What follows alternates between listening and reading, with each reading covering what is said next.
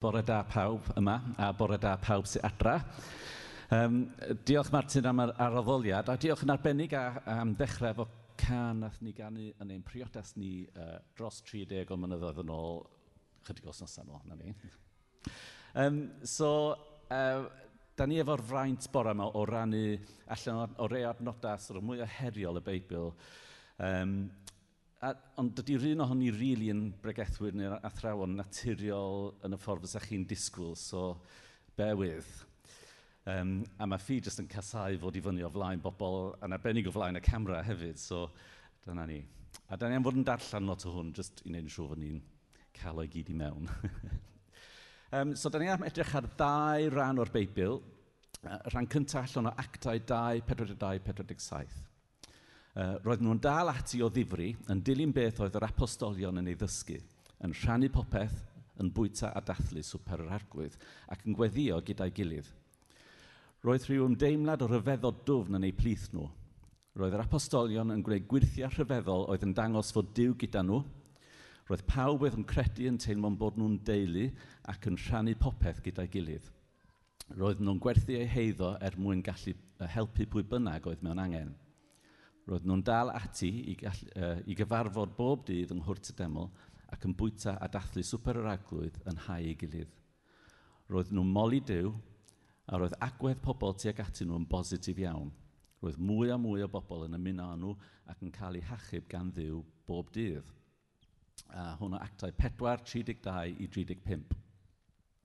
Roedd undod go iawn ymhlith y credinwyr i gyd. Doedd neb yn deud fi bia hwnna, roedd nhw'n rhannu popeth gyda'i gilydd. Roedd cynrychiolwyr Iesu yn cael rhyw nerth ryfedd i dystio'n glir fod yr arglwydd Iesu wedi dod yn ôl yn fyw, a roedd nhw i gyd yn teimlo fod Dyw mor dda tuag ati nhw. Doedd neb ohonyn nhw mewn angen am fod pobl oedd yn berchen tir neu dau yn ei gwerthu ac yn rhoi'r arion i'r apostolion i'w rannu i bwy bynnag oedd mewn angen. So mae'r um, mae darna yma o'r Beibl yn, yn, yn rhan yn actau, yn rhan yn amser o dyfiant exponential. Mae'r apostoliaid wedi bod trwy newid enfawr.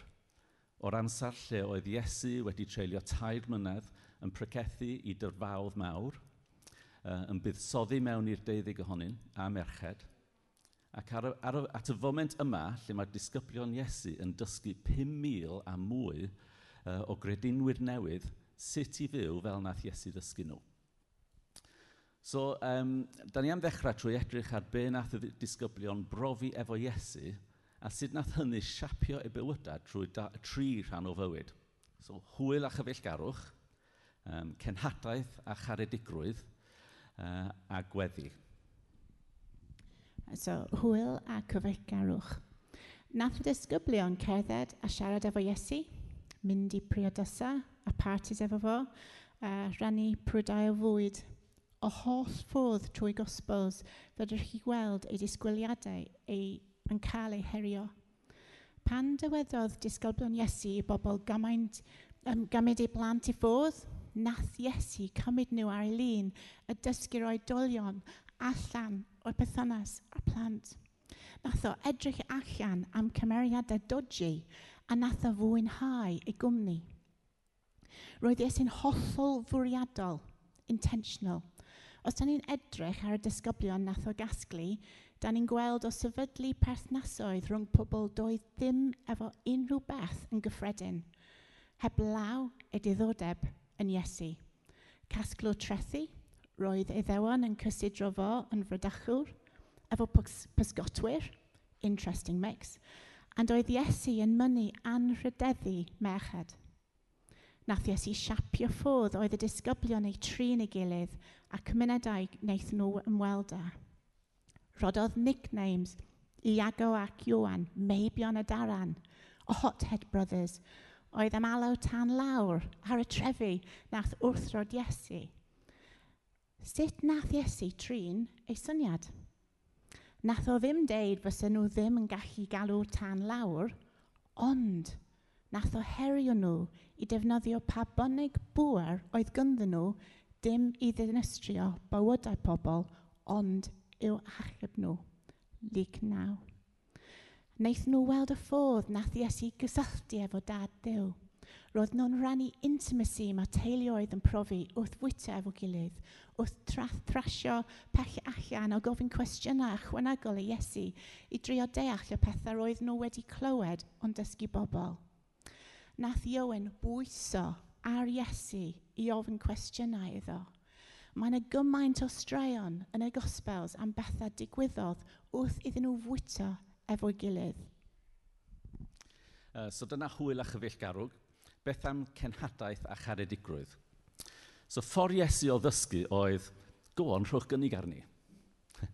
a nath Iesu anfon y deudded disgybl yn lyg 9, a wedyn y 70 dilynwr yn lyg 10, um, gan ddweud wrthyn nhw i bregethu deyrnas diw a iachau'r cleifion.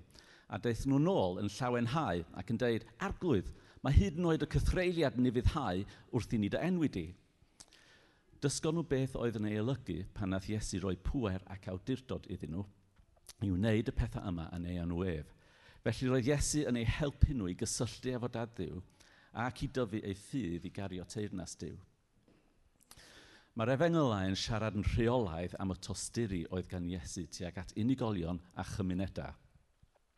Wnaethon nhw ddysgu sut nath Iesu newid ei amserlen ei hun oherwydd y tosturi yna – wnaethon nhw weld Iesu yn defnyddio geiriau o wybodaeth a straight talking, ond o hyd mewn cyd-destun o'r, or tosturiodd yn cario. Yn Marc 10, mae'n dweud fod Iesu wedi caru'r dyn ifanc nath ofyn beth sy'n rhaid iddo wneud i gael ei achub. Ond naeth Iesu ddim osgoi yn y gwirionedd yn yr atab.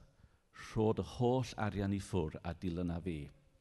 A nath o wylio wrth i'r dyn yn drist gerdded i ffwr ac o'r un dyfder o dosturi a gonestrwydd nath o ddeud wrth y ferch wrth y ffynon, nid wr di ydy'r dyn sy'n e- byw, efo rwan. Hwna'n Iwan Pedwar. Ond y tro yma, nath y ferch afal ar y gwirionedd Iesu efo edifeirwch a dweud wrth ei holl bentref hi i ddod i gyfarfod ar dyn a ddwedodd wrthydd wrthyf bopeth nes i erioed. A lla'r dyn yma fod y Meseia, A rwan, nawn ni edrych a weddi. Dyma'r peth nath y ddisgyblion ofyn i Iesu dysgu nhw i wneud. Lig 11. Does na ddim cyfnod ohonyn nhw yn gofyn iddo dysgu sut i wneud gwthiau, sut i achau, neu sut i bregethu. Ond roedd na rhywbeth oedd nhw'n medru gweld yn y ffordd oedd Iesu gweddio, nath gymryd nhw tu hwnt i brofiad gweddi ffydd i mewn i rhywbeth arall wrth i Iesu ddangos ei berthynas efo'i dad ar ysbryd glân wrth iddo weddio. Felly dyna chydig o bethau. Uh, da ni wedi dewis canolbwyntio arnyn nhw o daith sort of, nath y disgyblion brofi efo Iesu. Ond be wnaeth nhw wir ddysgu ar y daith yma?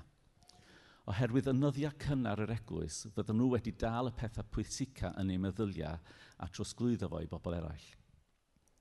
A mae actau, wel mae hwnna'n stori antirwyr, y, y sut oedd yn edrych yn yr eglwys gynnar. Ond be oedd y curiad calon tu ôl i'r gweithgareddau? Sut naeth y curiad calon ddylanwadu ar beth oedd nhw'n ei wneud a sut oedd nhw'n ei wneud o? 1 Ion 4, 7 a 8. Ffrindiau anwyl. gadewch i ni garu yn gilydd am fod cariad yn dod oddi wrth Dyw Mae pawb sy'n caru fel hyn wedi ei plentyn i ddiw ac yn nabod diw. Os ydy'r cariad hwn ddim gan rhywun, dydy'r person hwnnw ddim yn nabod diw chwaith, a mae cariad ydy diw. So, cafodd Iwan um, y, y datgyddiad yma um, o hunaniaeth a natur diw. Sgrifennodd Iwan ei lythyrau amser hir ar ôl y digwyddiadau yn acta – ar ôl iddo gael profiad o arwain credinwyr yn ei ffydd a chael amser i fyfyrio um, beth oedd e wedi ddysgu am Iesu a beth oedd angen i gredinwyr wybod. Mae o'n ddiwinyddiaeth eidded fel petai. A datgyddiad Iohan, mae adnabod Dyw yn edrych fel a, um, ymarfer a dangos ei gariad. Cariad ydy Dyw, ei natur ydy cariad. Mae ei gariad fel diamond pur, ac o gwmpas hynny, dim ond agwedd arall rownd ei gariad ydy pob un ffacet neu wyneb ar y diamond. Dydy o ddim yn gariad ond hefyd cyfiawnder. Dydy o ddim yn gariad ond hefyd yn sanctaidd. Dydy o ddim yn gariad ond hefyd yn barnu. Rhaid i bopeth da ni'n ei ddefnyddio i ddisgrifio Dyw, ddisgrifio cariad. Does na ddim agwedd o Dyw sydd uwch ben ei natur. Dyw yw cariad plus ddim byd. A da ni'n ymarfer ei gariad. Mae pob agwedd sy'n cael ei ddangos gan Dyw yn dangos ei gariad.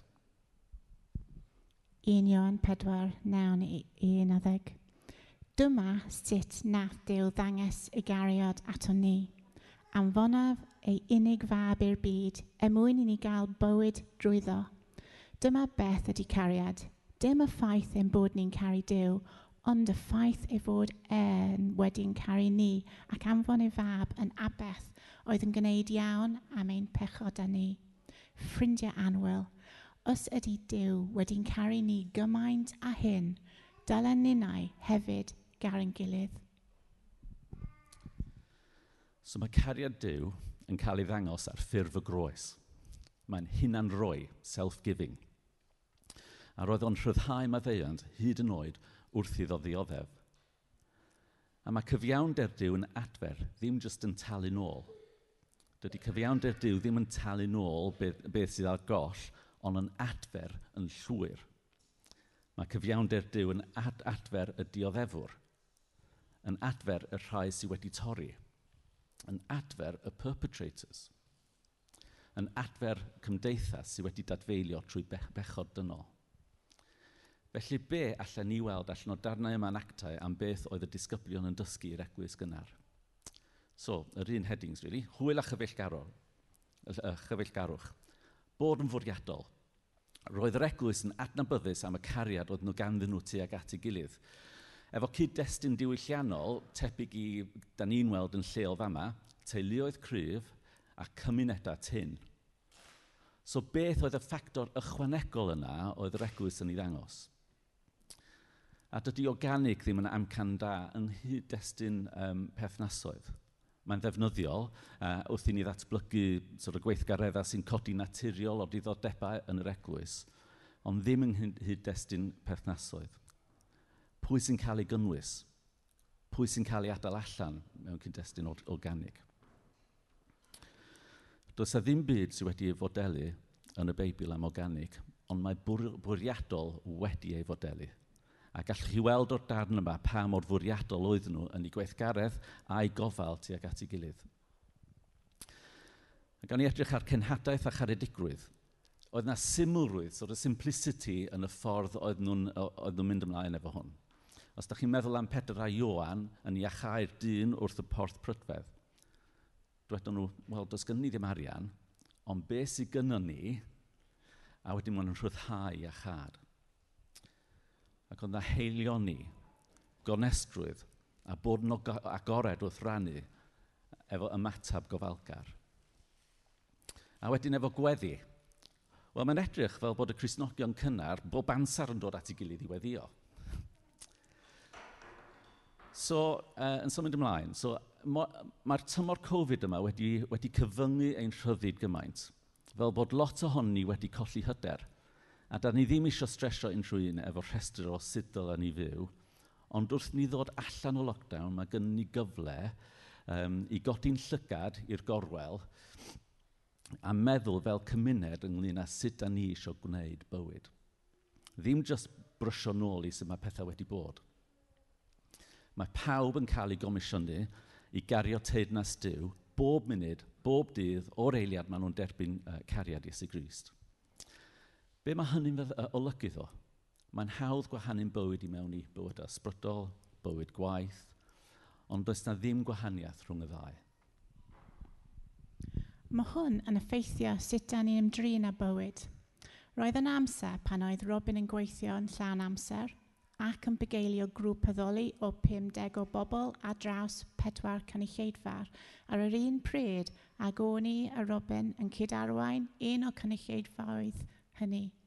Roni adra efo plant ifanc a roedd ni'n rannu yn catref a theulu efo dau teenager.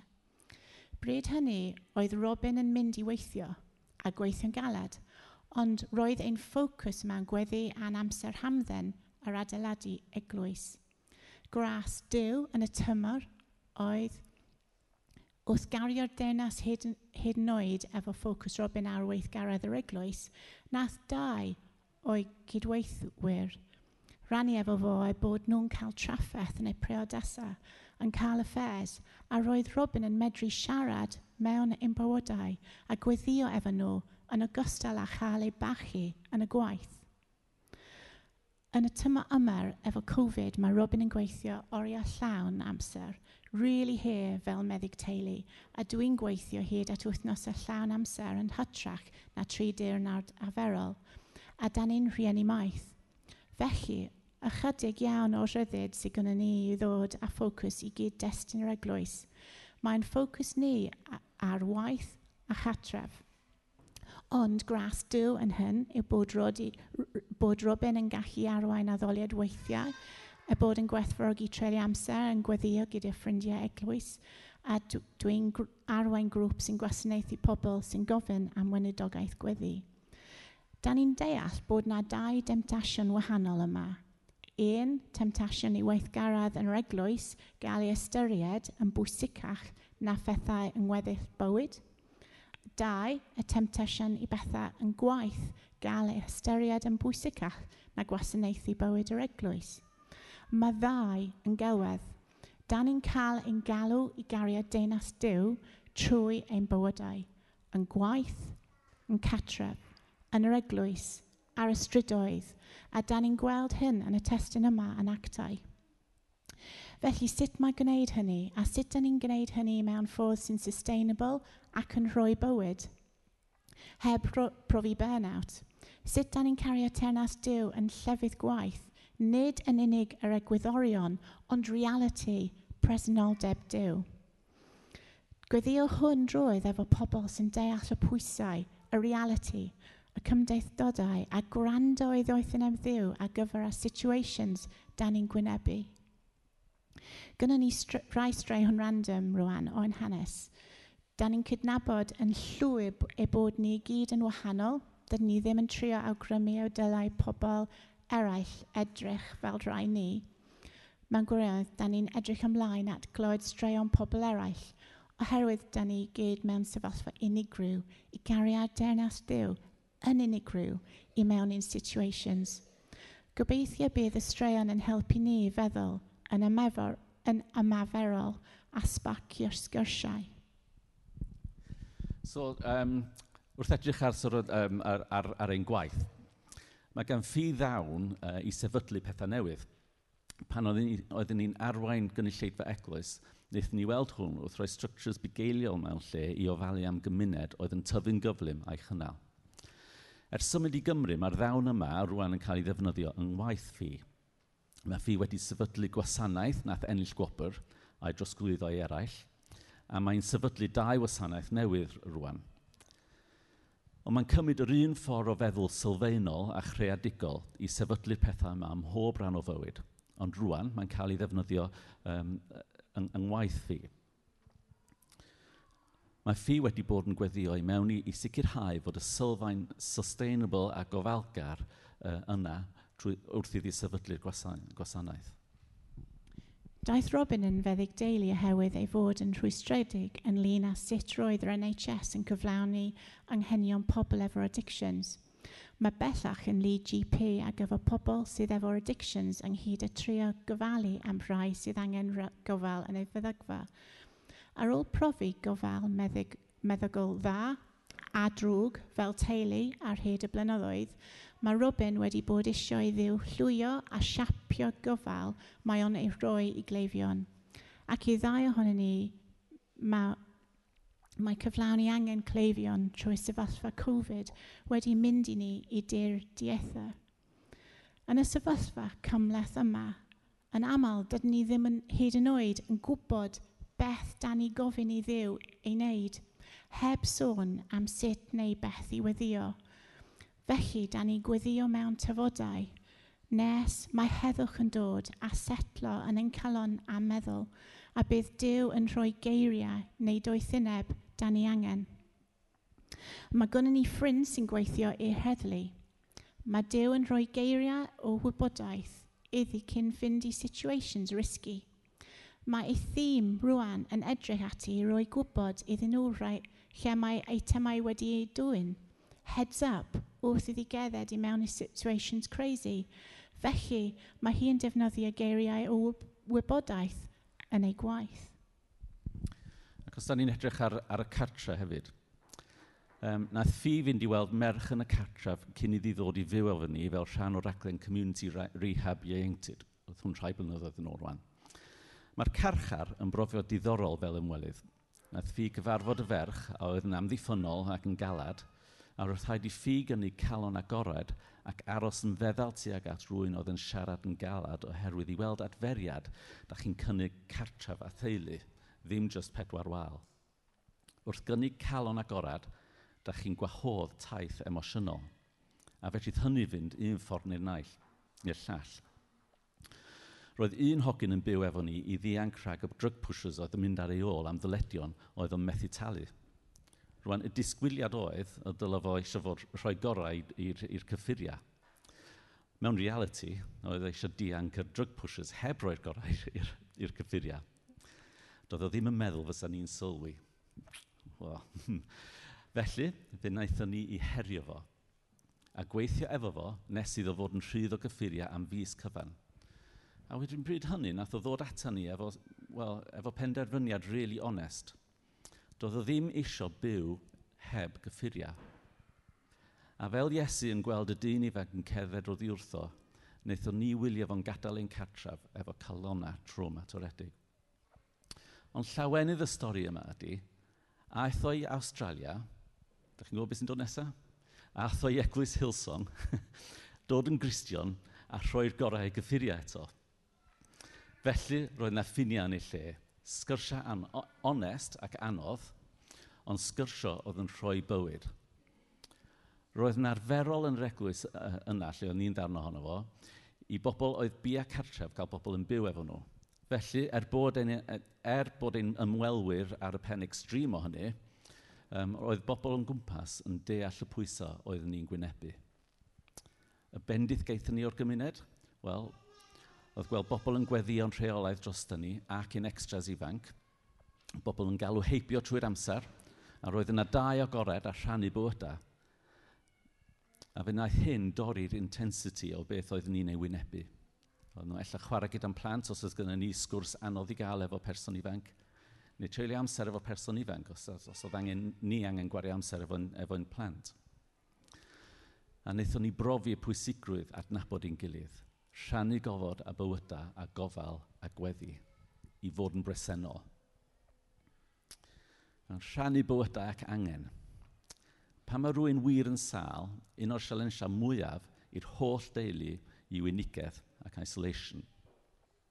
Pan oedd fi yn sal efo triniaeth cancer, fyswn ni'n cymryd y plant i gyfafodydd yn yr eglwys a gweithgareddau iddyn nhw gysylltu efo ffrindiau a derbyn anogaeth yn ei ffydd a'r cyfle i addoli. Ond er mwyn alluogi hyn, fysa bobl yn methu cyfarfod eglwys i eistedd efo ffi, hyd yn oed pam oedd hi'n methu siarad achos oedd hi rhy, rhy sal. Just i fod efo hi a chario presenoldeb diw ata hi. Da ni'n gweld gostyneiddrwydd, humility. Da ni wrth ein bodd yn rhoi eraill. Ond mae'n cymryd gostyneiddrwydd go iawn i rannu anghenion a hyn oed mwy i dderbyn help gan eraill da ni wedi derbyn help, doedd ni ddim angen weithiau, oherwydd roedd y bobl oedd yn cynnig yr help yn trio bod yn rhan o'r gymuned. Weithiau fydden nhw'n gwneud pethau mewn ffordd doedd ni ddim isio. Ro'n ni'n byw efo teulu, um, lle oedd un o'r lodgers wedi glito strip o papur wal y fforong i fyny. A oedd hwn yn ei ystafell fyw nhw. Ond wnaeth nhw ddim dod o fe lawr ddaw nhw gadw fo i fyny fel delwedd o gariad cafodd ei rannu yn eu cartref. Dwi ddim yn meddwl fysa fys ni yn wedi copio efo hynny, jyst i bod yn on. Ond mae'n fynegiant o ostyngeidrwydd i dderbyn gan eraill yn ogystal â rhoi. A da ni'n gweld tystiolaeth o'r lefel hon o ystyngeidrwydd yn actau. Cyflwyno anghenion a phobl yn gwerthu popeth ac yn rhannu popeth oedd ganddyn nhw – Safon yn hen testament o ddegymu o tithing oedd rhoi y 10% cyntaf o gynnyrch neu arian i ddiw. Yma, da ni'n gweld safon y testament newydd. Allan o'n cariad at ddiw, da ni'n rhoi popeth iddo. Da ni'n rhoi popeth yda ni a phopeth sydd gynna ni. A wedyn yn dweud, dad ddiw, mae popeth yn eiddo i ti, faint ddyla ni gadw. Mae'n pwysleisio curiad calon heilioni o roi o gariad faint da ni angen doethineb diw yn y gorllewin, lle mae gynnu ni gymaint, ond hefyd lle mae'n adlodi yn lleol a thlodi a newyn dros y byd. Rwan, um, oedd yna gyflwyniad ddari Rhys am Fon rownd yn ddiweddar, a mae yna awgrymiadau am hwn am, am bethau sy'n cadw ni'n iach. Yn yr eglwys yma, so, mae yna weithgareddau uh, gret yn mynd ymlaen, gwasanaethau a grwpiau ar gyfer dysgu a chysylltu. Ond ein ffocws heddiw ydy edrych ar sut allan ni fel unigolion gario teirnas diw mewn i'n cartrefi, gwaith a chymuned. A da ni am grwydro trwy profiadau personol a'r syniadau, dar i Rhys um, yr i rownd, i feddwl amdanyn nhw yng nghyleuni'r darn yma o actau. Um, a da ni'n gobeithio fydden nhw'n annog syniadau neu sgyrsiau ynglyn â sut y gallwn ni fel cymuned gario teirnas diw yn ein, bydo, yn ein bywydau dyddiol. So, un cyntaf, oedd cysylltu ag eraill. Mae'n bwysig i ni dreulio amser a cael ffrodau y bwyd efo eraill. Y rhai lle gynnu ni gysylltiad naturiol a rhai lle does gynnu ni ddim uh, cysylltiad naturiol. Mae'n cymryd mwy o intentionality i gysylltu lle does na'r cysylltiad naturiol yna. Ond mae'r cyfleoedd yna mor bwysig. Does gan ein merch maeth ni ddim diddordeb yn yr eglwys, ond mae hi wedi caru'r cwiz wythnosol bob oed mae CPC yn gynnal. A mae hwnna wedi galluogi i gyfarfod bobl, chwerthin efo nhw yn ystod lockdown, a mae wedi bod yn lifesaver i ni, really, trwy godi pwysau gofal o ddiarno ni am awr. A hwn ydy'r unig digwyddiad rheolaeth sydd wedi galluogi hi i gysylltu a gwneud ffrindiau. Uh, gweithgaredd cofforol. Mae Robin yn cysylltu efo Dyw yn y mynyddoedd. Dwi'n neud wrth gedded ar hyd y traeth wrth ymyl y môr. Mewn bywydau sy'n brysur ac yn gymleth, os ydych chi cael traffaeth i gael amser tawel, beth am joinio fo am ge efo gedded ac a, a cael um, taith gedded gweddi? Mae cedded gweddi yn gadael i ni ymafer clywed a dysgu cariad calon diw a gyfer pobl yn ein cymuned wrth i ni gerdded a gwrando arno. So beth am dysgu sgiliau newydd? Mewn gwirionedd, mae hwn wedi bod yn un anodd i ni. Dyna ni ddim wedi bod ar capacity drwy lockdown, ond da ni yn cydnabod i werth. A da ni wir yn gwerthfawrogi y sgiliau random sydd gan bobl a'r ffordd gallen nhw helpu ei gilydd. A, da ni wedi gwerthfawrogi alwena yn merch yn cymryd amser i fodelu clai gyda'n merch maeth. Eben yn chwarae basketball efo i. Ie, dydy o ddim yn gret ar hynny. Fi yn cefnogi gweu a choginio, a dwi wedi bod yn dysgu caneuon Ariana Grande. Come on. Ac o ran y cyfle, dwi wedi ymuno grŵp ar-lein yng Nghymru i gefnogi gweinidogaeth broffwydol. Um, Mae'r llawenydd o ddysgu a chysylltu efo bobl i ddatblygu doniau gweinidogaeth diw wedi bod yn anhygoel. Mae eraill mor zoomed out erbyn diwedd y dydd fysa hynny ddim yn fendith iddyn nhw gweith rhedodd rhoi a cheredigrwydd. Y weithred cyntaf o garedigrwydd yn y tymor yma ydy cydnabod bod Covid wedi bod yn sefyllfa stressful iawn, ffydd gwahanol i bawb. Y rhai sydd wedi gweithio flat out a sydd wedi cael cyflog, y rhai um, wedi cael amser i lenwi ond dim cyflog. Y rhai sydd wedi byw ar ben y hyn a rhai sydd wedi cael gormod o bobl yn y tŷ ar unwaith. Da ni wedi gwerthfarogi a rai sydd wedi um, gadael anrhegion neu flodau a garag y drws. A rai wedi eistedd efo ni yn yr ardd pan gafodd e-, ei ganiatau. A rai sydd wedi siopio ni. A rai sydd wedi bod yn gwrando a Dyw ac yn rhannu eira o anogaeth a proffedoliaeth adnodau Beibl gyda ni i annog pan da ni wedi bod o dan ein straen mwyaf. Da ni'n gwerthfawrogi yn enwedig y rai wedi ffonio yn lle textio gan fod textio yn stres anferth yn teulu ni. Ond roeddwn ni'n clywed gan eraill e bod nhw'n gweld bod galwad y ffôn yn fwy o straen. Felly, mae gwybod sut i fendithio'n gilydd yn bwysig. So beth am bod yn bresennol? So mae gan, gan bob un ohon ni bwysau gwahanol yn ein bywydau cartref. Mae rhai ohon ni'n byw mewn teuluoedd um, lle mae pawb yn adnabod ac yn caru Iesu. A mae, a mae rhai ohon ni yn rhannu cartrefi gyda bobl nad ydyn nhw. A mae'r heriau a'r bendithion, y rhyddid a'r draen yn wahanol i'r ddau grŵp. Efallai y bydd angen mwy o anogaeth ysbrydol nag eraill.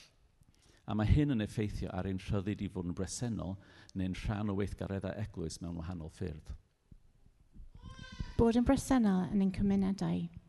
Mae cariad yn cael ni ar gyfer teuluoedd a bywyd teuluol. Mae gynnu ni rai statistics i chi. Ni fydd gan um, pawb y capacity i ymateb i'r rhain, sustainability ydy gwybod pwy ydych chi a lle ydych chi wedi cael eich galw i gariad teirnas diw, ond dyma un ein passions ni.